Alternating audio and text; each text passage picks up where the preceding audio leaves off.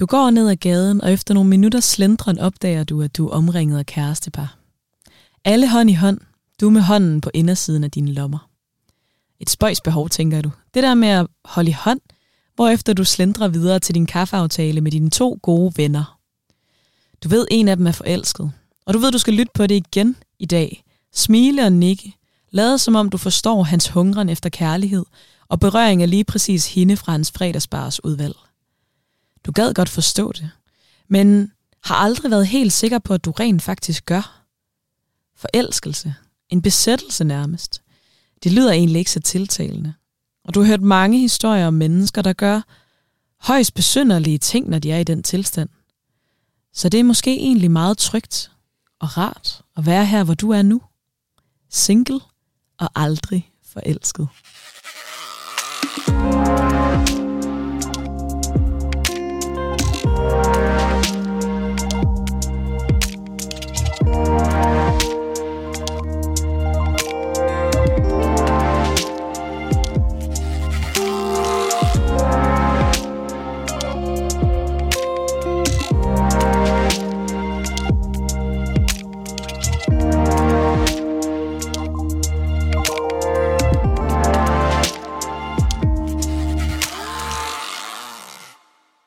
Hej, og velkommen til dagens afsnit af Sidestik.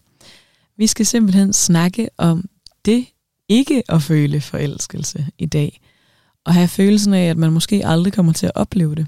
Fordi det tror vi egentlig er rigtig svært at snakke om, fordi det er noget, vi er rigtig meget omringet af her i Danmark og i den vestlige verden, og nok også mange andre steder i verden, at man dyrker den her tosomhed på den måde, at man skal have sit specielle menneske.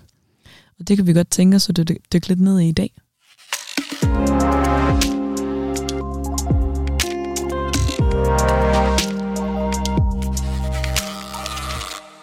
Forelskelse er en tilstand af henførthed, hvor man oplever, at den anden person er ganske specielt betydningsfuldt i ens eget liv. Forelskelse skældnes ofte fra kærlighed, der er den mere varige følelse, man kan opleve over for f.eks. sine børn. Det er centralt ved forelskelsen, at den person, man er forelsket i, ikke ses reelt, men i et idealiseret lys. Det siges, at man ikke er forelsket i en person, men i ens eget billede af den person. Ja, så det er simpelthen definitionen på forelskelse. Og øhm, der er jo en særlig grund til, at vi har valgt lige præcis det her emne, for det er faktisk en snak, der kom op i vores venskab, fordi at det er noget, du godt kan se dig selv i, Sara. Totalt meget. Altså, det er så meget mig. Øh, altså, det du har beskrevet i introscenariet.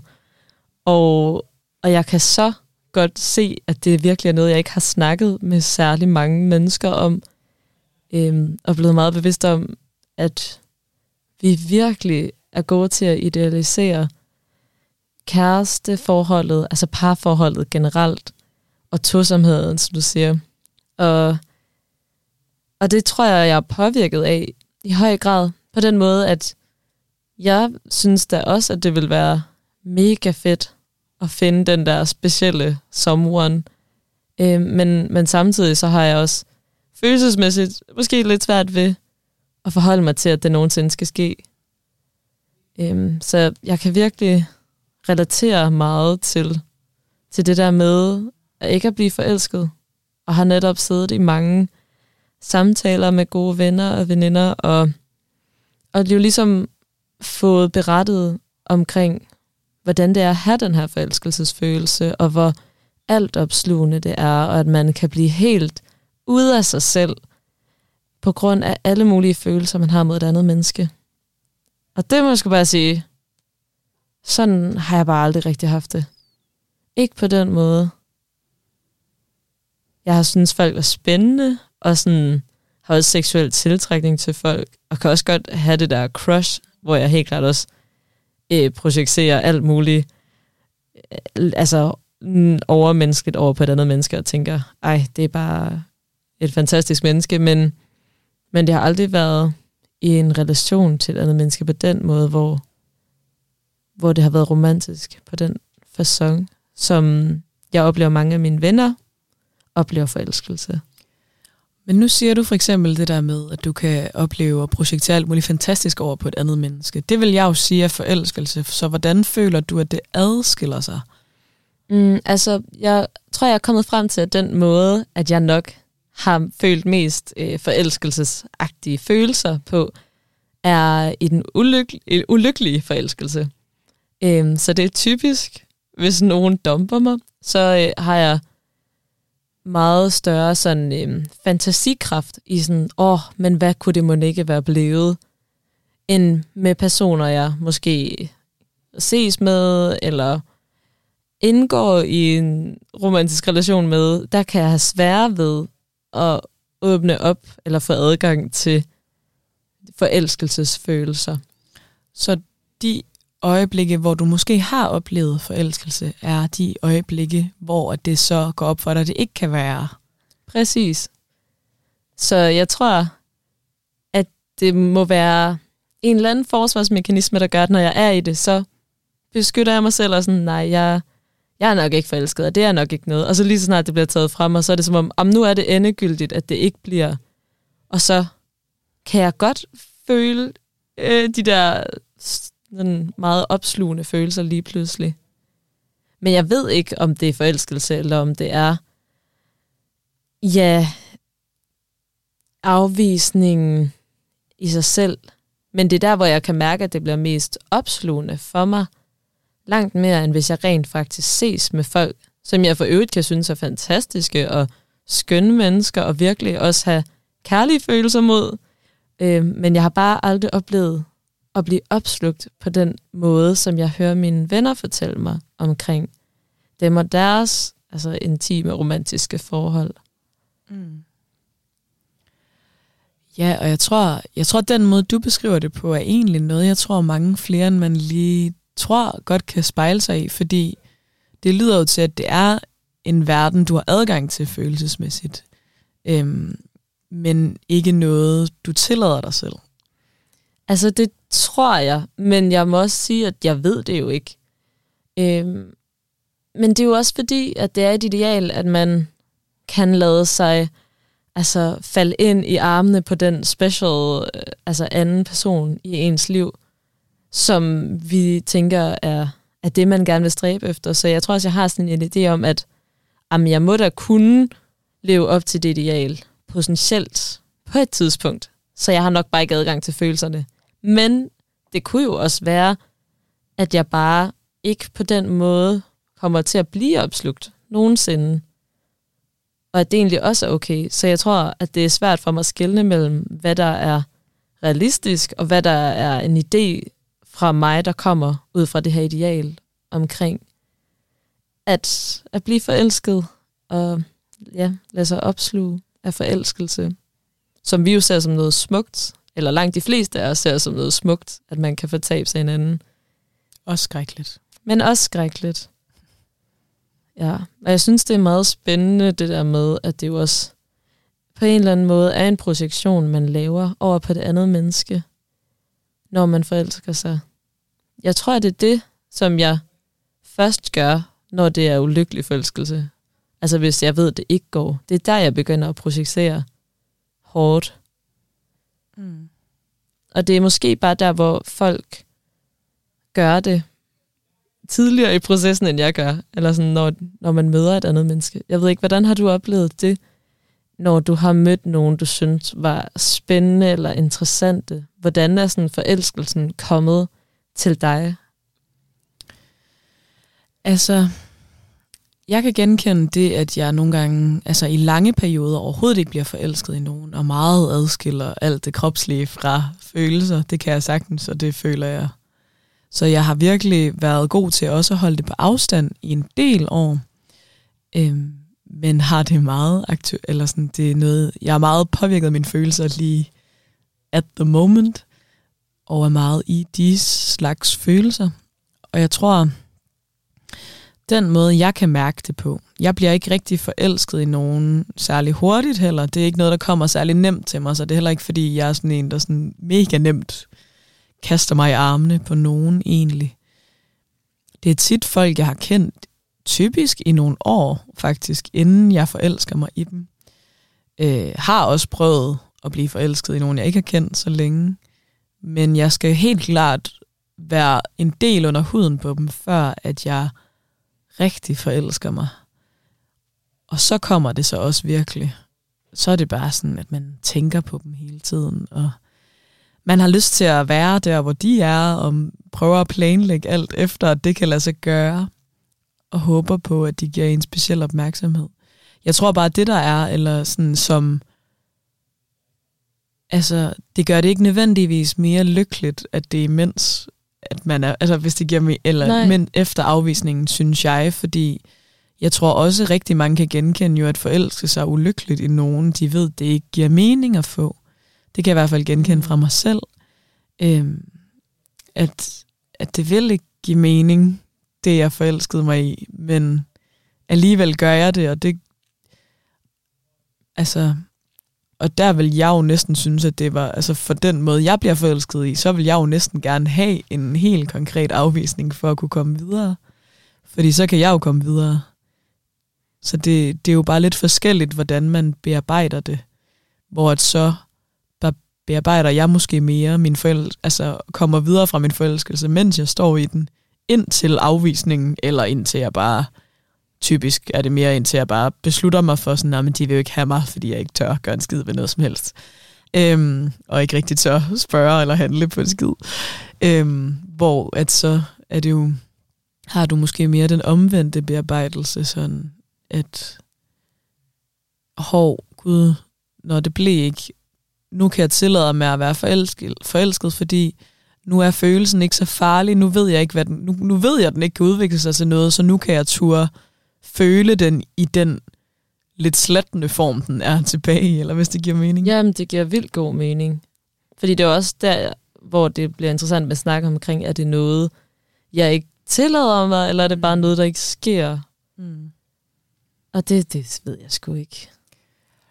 Nej, det er også svært at svare på. Jeg tror, at det, der gør, at du måske har, kan have kontakt til det, kunne jeg forestille mig, er jo det, at du godt kan opleve de der store følelser efterfølgende, eller du i hvert fald kan op, altså du kan i hvert fald opleve nogle af de samme træk, så på den måde har du nogen tråde til den, så måske bare ikke helt det, som alle snakker om, men, men der er nogle, nogle ting, du kan relatere til i det. Ja, og igen lige netop relateret til altså projektionen. Alt mm. det, som egentlig ikke er det realistiske. Og altså, så er det der, jeg bliver opslugt af forestillingerne og sådan fantasierne. Alt det der. Yeah. Det bliver, når det er sådan den der, oh, what could have been følelse. Og jeg tror, det er det, som mange gør imens. Altså, det har jeg også prøvet til en vis grad, men jeg tror bare, aldrig har prøvet, altså du ved, for eksempel i starten af at date nogen, og så gå og forestille sig sådan, og hvad med det, og hvad med det, eller sådan. Altså jo, det kan jeg godt have, men meget mere sådan, jeg tror bare ikke, det er så voldsomt. Jeg tror bare, det er meget sådan, åh, oh, det kunne være hyggeligt at ja, sådan se sig, det kunne være hyggeligt at gøre sådan og sådan, eller et eller andet, og sådan forestille sig de ting, som man kunne have lyst til at lave med et andet menneske. Men jeg ved ikke, jeg tror bare, at det er den der overdrevne grad af følelser og store følelser, som som jeg bare ikke tapper ind i. Klart. Har du prøvet at ja, have alle de helt store mm-hmm. forelskelsesfølelser? Ja, men som du også godt ved, som min ven, så er jeg jo meget, jeg føler mange ting rigtig stærkt, og jeg er meget omskiftelig i, min føl, i mit følelsesliv. Oh, jeg yeah, føler det ene meget stærkt den ene dag, og så dagen efter kan jeg være fuldstændig ligeglad. Øhm, så det kommer selvfølgelig også til udtryk i forelskelse. Så jeg, ja, jeg føler alt muligt meget stærkt. Men det tror jeg ikke er, altså, det er ikke noget, der kommer alle naturligt. Det er jo også bare, hvordan man er som menneske. Mm-hmm. Øhm, og det er noget, jeg er kommet mere i kontakt med de sidste år. Det er ikke noget, jeg altid har været så god til egentlig at være i. Jeg, jeg har egentlig altid set mig selv som en, der ikke følte så meget, men det har jeg så opdaget var rimelig løgn, og jeg føler alting rimelig meget. Øhm, og også forelskelse, selvfølgelig. Selvfølgelig, fordi det er jo der, hvor man virkelig spiller på alle tangenter på en eller anden måde af følelsesspektret. Så jo, jeg føler rigtig meget. ja. ja. ja. Og det er jo også, meget fascinerende for mig. Eller sådan. Jeg tror, jeg har faktisk ret mange venner, som føler rigtig meget, og som kan lige når der bliver opslugt, så er det måske ikke et spørgsmål om, det sker tit eller sjældent, men at hvis det sker, eller når det sker, at så er det bare intenst og fylder meget. Og så fylder det i den periode meget hele tiden. Og det er den følelse, jeg bare overhovedet ikke kan relatere til. Der har jeg aldrig været. Nej. Altså så er det sådan noget med, at jo, jeg kan godt synes, at nogen er virkelig spændende, og så tænker jeg på dem en gang imellem, og lige sådan, mm. du ved, kan mærke, om jeg glæder mig da også til at se personen, eller du ved, jeg kan godt mærke, at personen gør mig glad. Og så er det sådan lidt det, eller sådan, det er meget sådan low-key, og aldrig helt op på den høje klinge. Ja. Jeg tror, at det, der måske kan være grunden til, at jeg virkelig oplever på en stor klinge, det er, at alle de mennesker, jeg har været forelsket i, ved jeg også har været interesseret i mig på en eller anden måde. Og jeg har også lavet ting med dem på en eller anden måde. Ja. Øhm, og, og det tror jeg, og det, er ikke, det var ikke som ment i kontrast til dig, det var mere ment i forhold til, hvordan jeg, hvorfor jeg tror, at jeg lader mig selv føle ting så stærkt. Det er fordi, at jeg ved, at der er noget at bygge på, eller der potentielt kunne være noget at bygge på. Øhm, det, er, det tror jeg i hvert fald er meget en, et fælles tema for dem, jeg har godt kunne lide. Det er ligesom, at jeg forelsker mig aldrig nogen, jeg ved er uden for rækkevidde. Jeg kunne aldrig drømme om at forelske mig i en, der slet ikke er interesseret i mig. Sådan den forelskelse har jeg vildt svært oh, ved at Harry Styles. jeg har virkelig lyst til at klippe det her ud. Åh oh, ja, okay, okay. One Direction tilbage i 9. klasse. Helt klart. Men, ja. men sådan den ægte sådan, mennesker, jeg har set, ikke? Altså, men det er mere det der med, nogen kan, jeg, jeg har tit hørt om nogen, hvor de bare bliver forelsket i sådan en, hvor det bare er tydeligt, at de er en douchebag, eller ikke rigtig magter dem, eller altså, yeah. du ved, hvor man bare, altså, og den, det er altid nogen, jeg er gode venner med, hvilket også gør det lidt spændende på mange måder, men, men det er ligesom nogen, jeg har, har mit hjerte nært i forvejen, jeg virkelig, så, så for mig er det også det der med, at det tit er en vennekærlighed, som er meget dyb i forvejen, som jeg så transformerer endnu, endnu voldsommere op til noget, ja. ikke? Øhm, ja, det kan men, jeg bare lige til at tænke på. Men det giver mega god mening, og så er der jo også noget på spil, kan man sige, altså hvis det også er en vennekærlighed, man tager med sig ind i en romantisk relation, så giver det jo også virkelig god mening, at, det, at der er meget på spil, og så bliver følelserne jo også lige det mere intense, kunne jeg forestille mig. Mm. Altså, det vil jeg også sige, at jeg har oplevet på den måde, at de har da også helt klart betydet meget for mig øh, i sådan de romantiske relationer, jeg har været i, som har været mere længerevarende. Øh, altså, det, det gør et eller andet, at man lige netop får et kendskab, altså det der med, at man lærer personen bedre og bedre at kende, og jo dybere man ligesom stikker ned i den. Og det er der jo ikke noget nyt i, men det er bare virkelig rigtigt, at, at så bliver det også bare mere ægte, i stedet for at det bliver mere ideen om den anden. Mm. Så det, det synes jeg giver sindssygt god mening.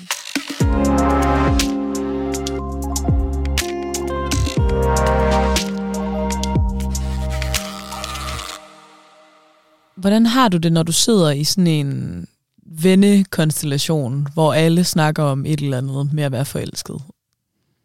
Jeg tror ærligt, jeg bare har vendet mig til, at sådan er verden. Men så når jeg skal sådan tænke, efter, altså sådan tænke på, om jeg kan relatere, så er svaret for det meste faktisk nej. Eller sådan, hvis det handler om de store følelser i forhold til forelskelse. Og også den måde, jeg har set nogle af mine venner og deres sådan, kæresterelationer, den måde, de ligesom agerer på, der er sådan, jeg kunne aldrig forestille mig selv agere på den måde. Altså bare have lyst til at kaste sig over hinanden og hele tiden røre ved hinanden, eller sådan. Altså, det kan jeg ikke relatere til, fordi jeg aldrig jo sjovt nok har prøvet det. Så jeg tror, jeg har sådan en meget stor accept af, at det er sådan, verden hænger sammen for rigtig mange mennesker. Øhm, men det er også stadig mystisk for ja. mig. Hvad er det mystiske? Hvad kan du synes er mystisk ved, når jeg for eksempel snakker om mine issues? Ja, altså i forhold til sådan at være sådan dybt engageret i et andet menneske på den måde, der tror jeg bare, ja, at jeg tænker, jamen, jamen altså sådan, hvis du kan lide ham, og han kan lide dig, whoopty whoopty. Eller sådan. Og så er det jo fordi, at jeg jo ikke kan relatere, fordi jeg ikke har prøvet det, at have de der meget opslugende følelser af både sådan usikkerhed, og også bare, du ved, længsel, eller også bare kærlighed og fascination, og det hele.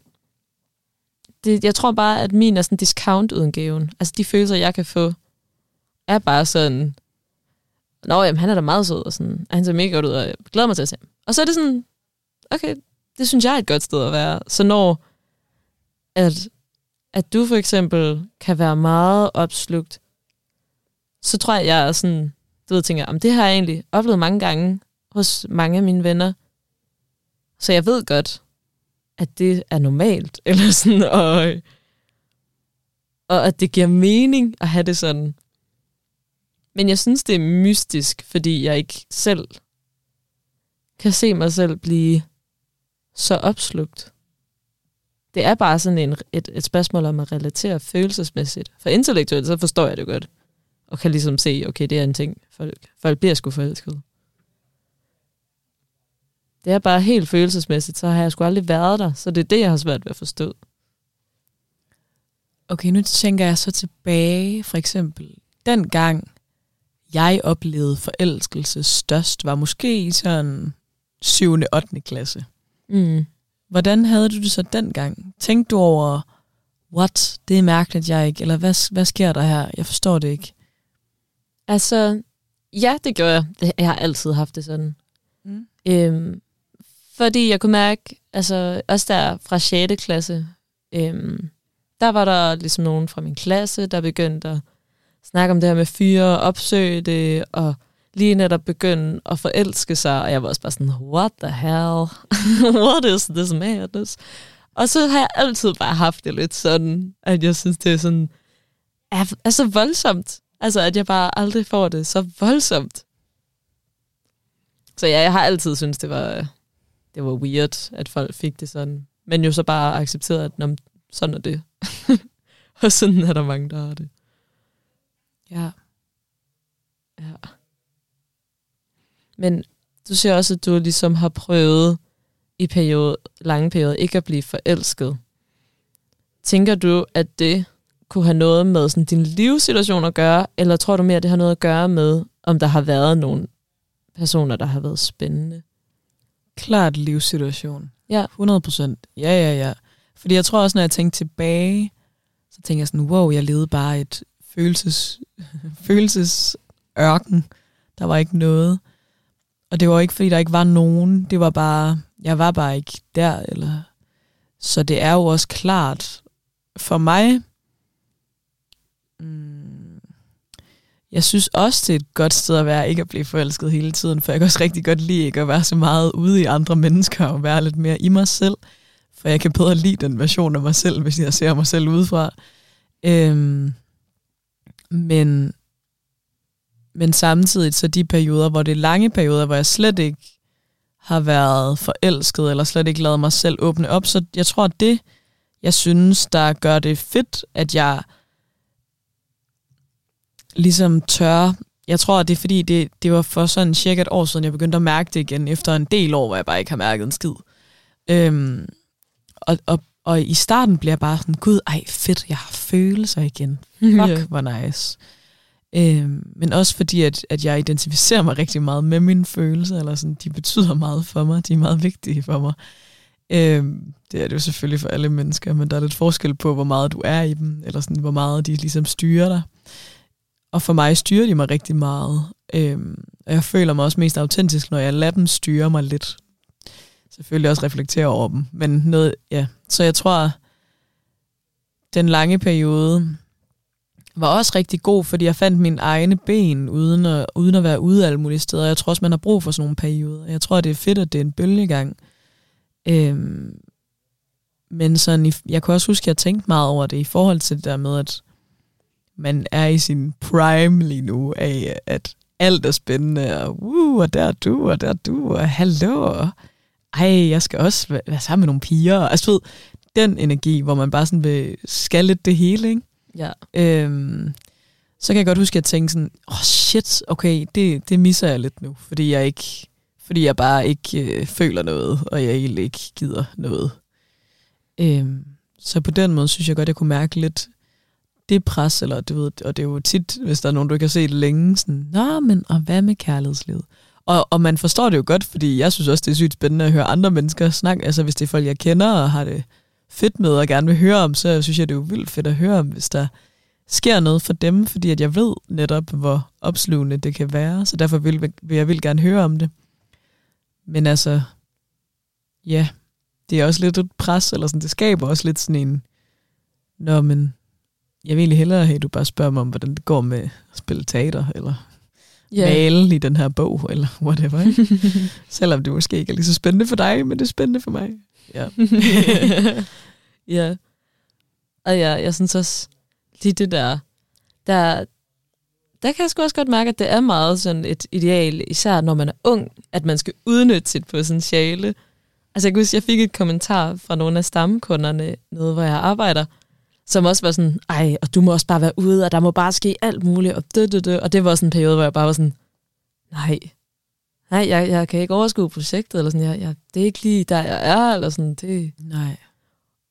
og altså, at det bare, du ved, var sådan en, ej, det skal du, agtigt. De var sådan, det bliver du nødt til at udnytte. Og jeg forstår dem jo også godt, og de er jo meget velmenende, men, men det er også lidt misforstået, hvis man så er i en periode, hvor det slet ikke føles rigtigt, så skal man jo ikke udnytte en skid. Altså, Nej, det er det. Ja.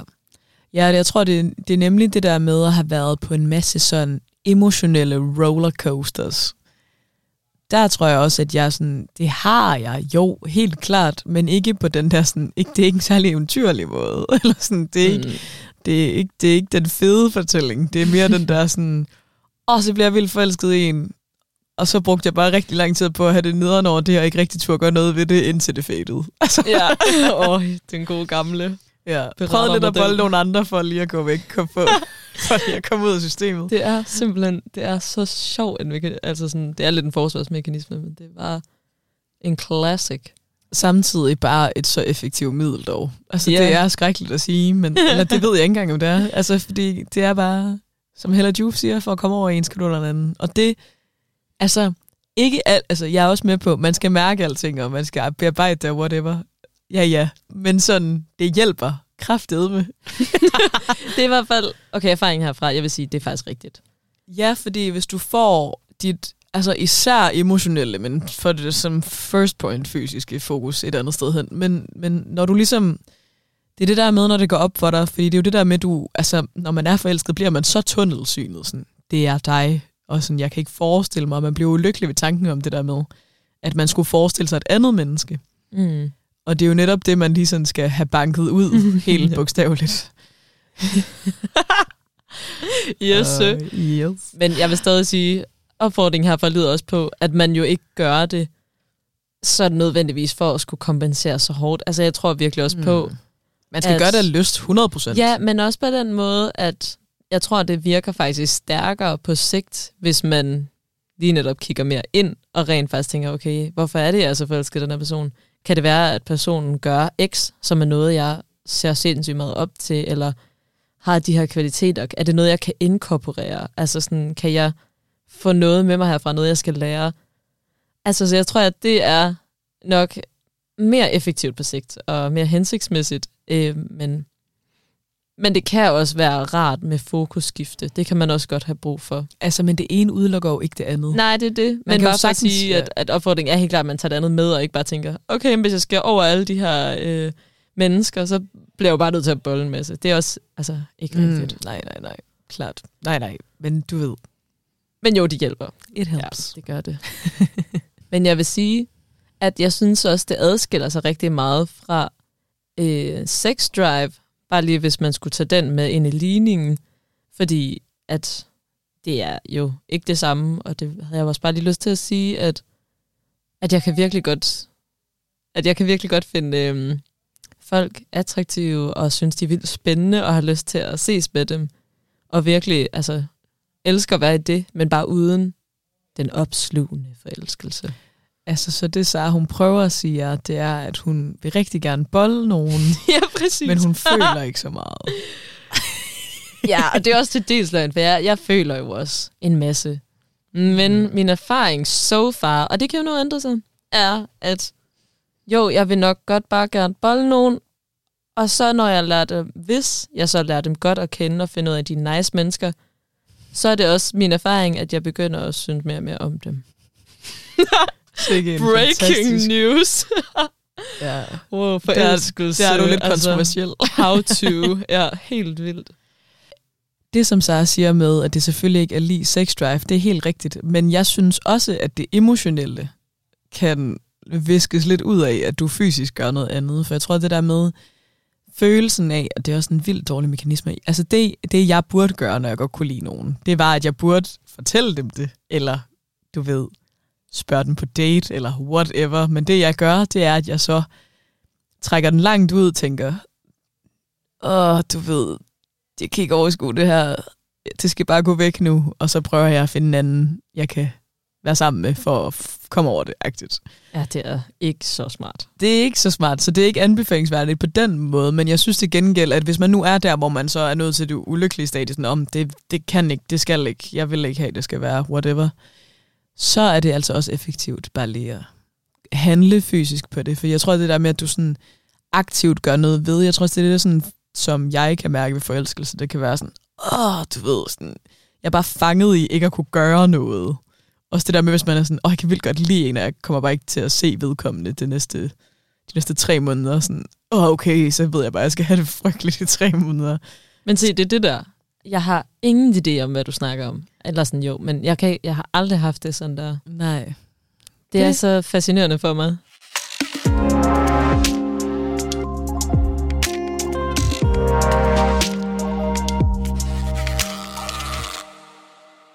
Tror du, at forelskelse er et er noget, vi har, altså et samfundsfænomen? Tror du, det har, altså, at det er noget, vi skaber i vores samfund?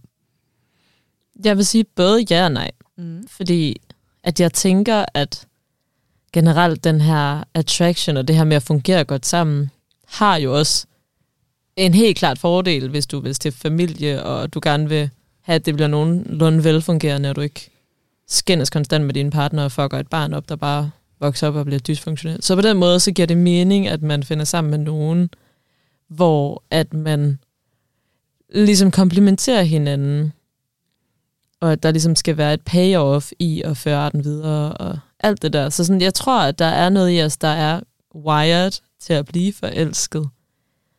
Øhm, og det er jo også her, man snakker om, at sådan, kvinder er meget sådan oxytocin-drevet typisk, og gerne vil skabe relationer, og det har jo også været vigtigt for overlevelsen, og det er jo også det, som kan være i dag, og så altså, siger man jo så, at mænd er testosterondrevet, men de har det jo også på samme måde med, at at skabe relation i dag er sindssygt vigtigt.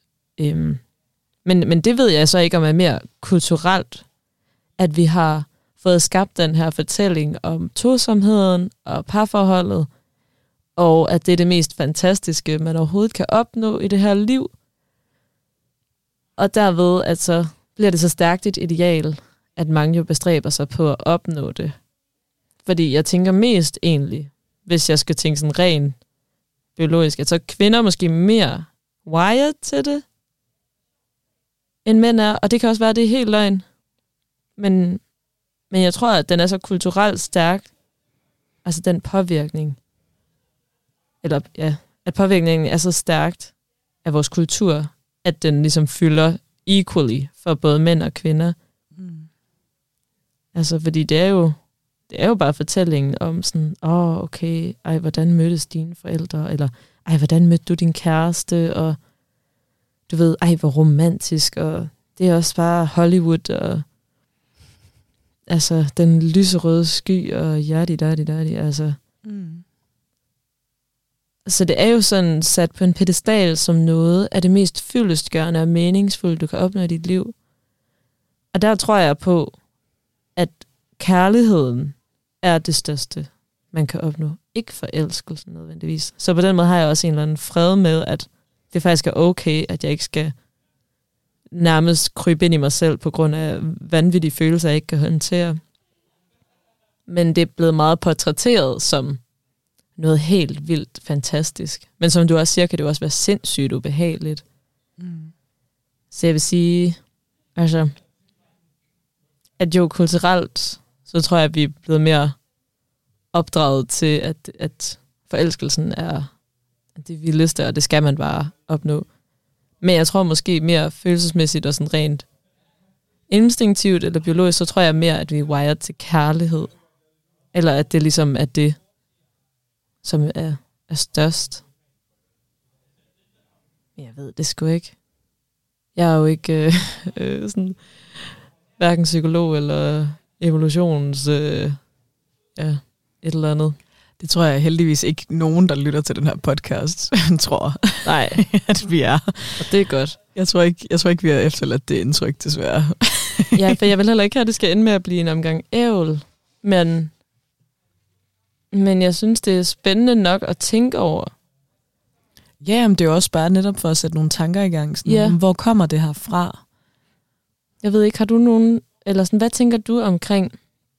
Og altså, hvor, hvor meget øh, vi er påvirket af vores kultur frem for vores natur? Jeg tror, der er noget, jeg har tænkt over, som jeg havde lyst til at, at byde ind med. At, at vi mennesker vil jo rigtig gerne bidrage med noget unikt på en eller anden måde. Det kan jeg i hvert fald forestille Mm. mig, noget, der driver ret mange. Og det der med, øhm, fordi jeg tænkte nemlig over, Nå, men hvorfor er det, jeg bliver forelsket? Altså, fordi jeg har jo oplevet også at være forelsket i flere mennesker på én gang. Men jeg vil jo gerne have, at de kun skal være forelsket i mig. Øh, og det er jo fordi, at jeg gerne vil være noget specielt for dem. Jeg vil gerne være noget, derude. Altså, tænk at kunne... Altså, så er det jo også noget kulturelt, jeg har fået fortalt, at det der med, at man kan udfylde en anden, en plads i et andet menneske. Men også det der med, at jeg ved at være mig, mit unikke jeg, kan, kan give et andet menneske noget så dejligt. Eller jeg tror, jeg tror det er meget sådan noget. Kunne jeg være, det er i hvert fald det, jeg sådan... Hvis jeg tænkte på, hvad der drev mig selv, ud i forelskelse og ud i kærlighed, og et ønske om tosomhed, fordi at jeg egentlig også godt kan forstå mennesker, der ikke har lyst til tosomhed. Fordi jeg også synes, tosomhed er svært på rigtig mange måder, og kan også godt sætte mig ind i det. Mm. Øhm, men kunne forestille mig, at det også er en faktor, der driver i hvert fald det der med, at man er unik, og man er noget specielt for hinanden. Og det er jo også det der med, at det bliver igennem en andens øjne, fordi ideelt set, så burde man jo være unik i sine egne øjne, men det er, altså det kan virke meget stort at gøre det igennem en andens. Øhm, og jeg tror på en eller anden måde også, at det er nemmere at opnå igennem en anden, faktisk. At, at verden ligesom bliver stor på den måde, som folk beskriver, når de er forelskelse, eller er forelsket det, altså, den tror jeg er svær at, at åbne op for hos sig selv. Der burde man jo teoretisk set nok godt kunne få den følelse i sig selv, altså uden at det skal være igennem en anden. Men jeg tænker Ja. bare, at det er langt sværere. Ja, meget mere. Altså, det er jo en, så skal du ud og bedrive alt muligt, som du på en eller anden måde føler bidrager med noget unikt.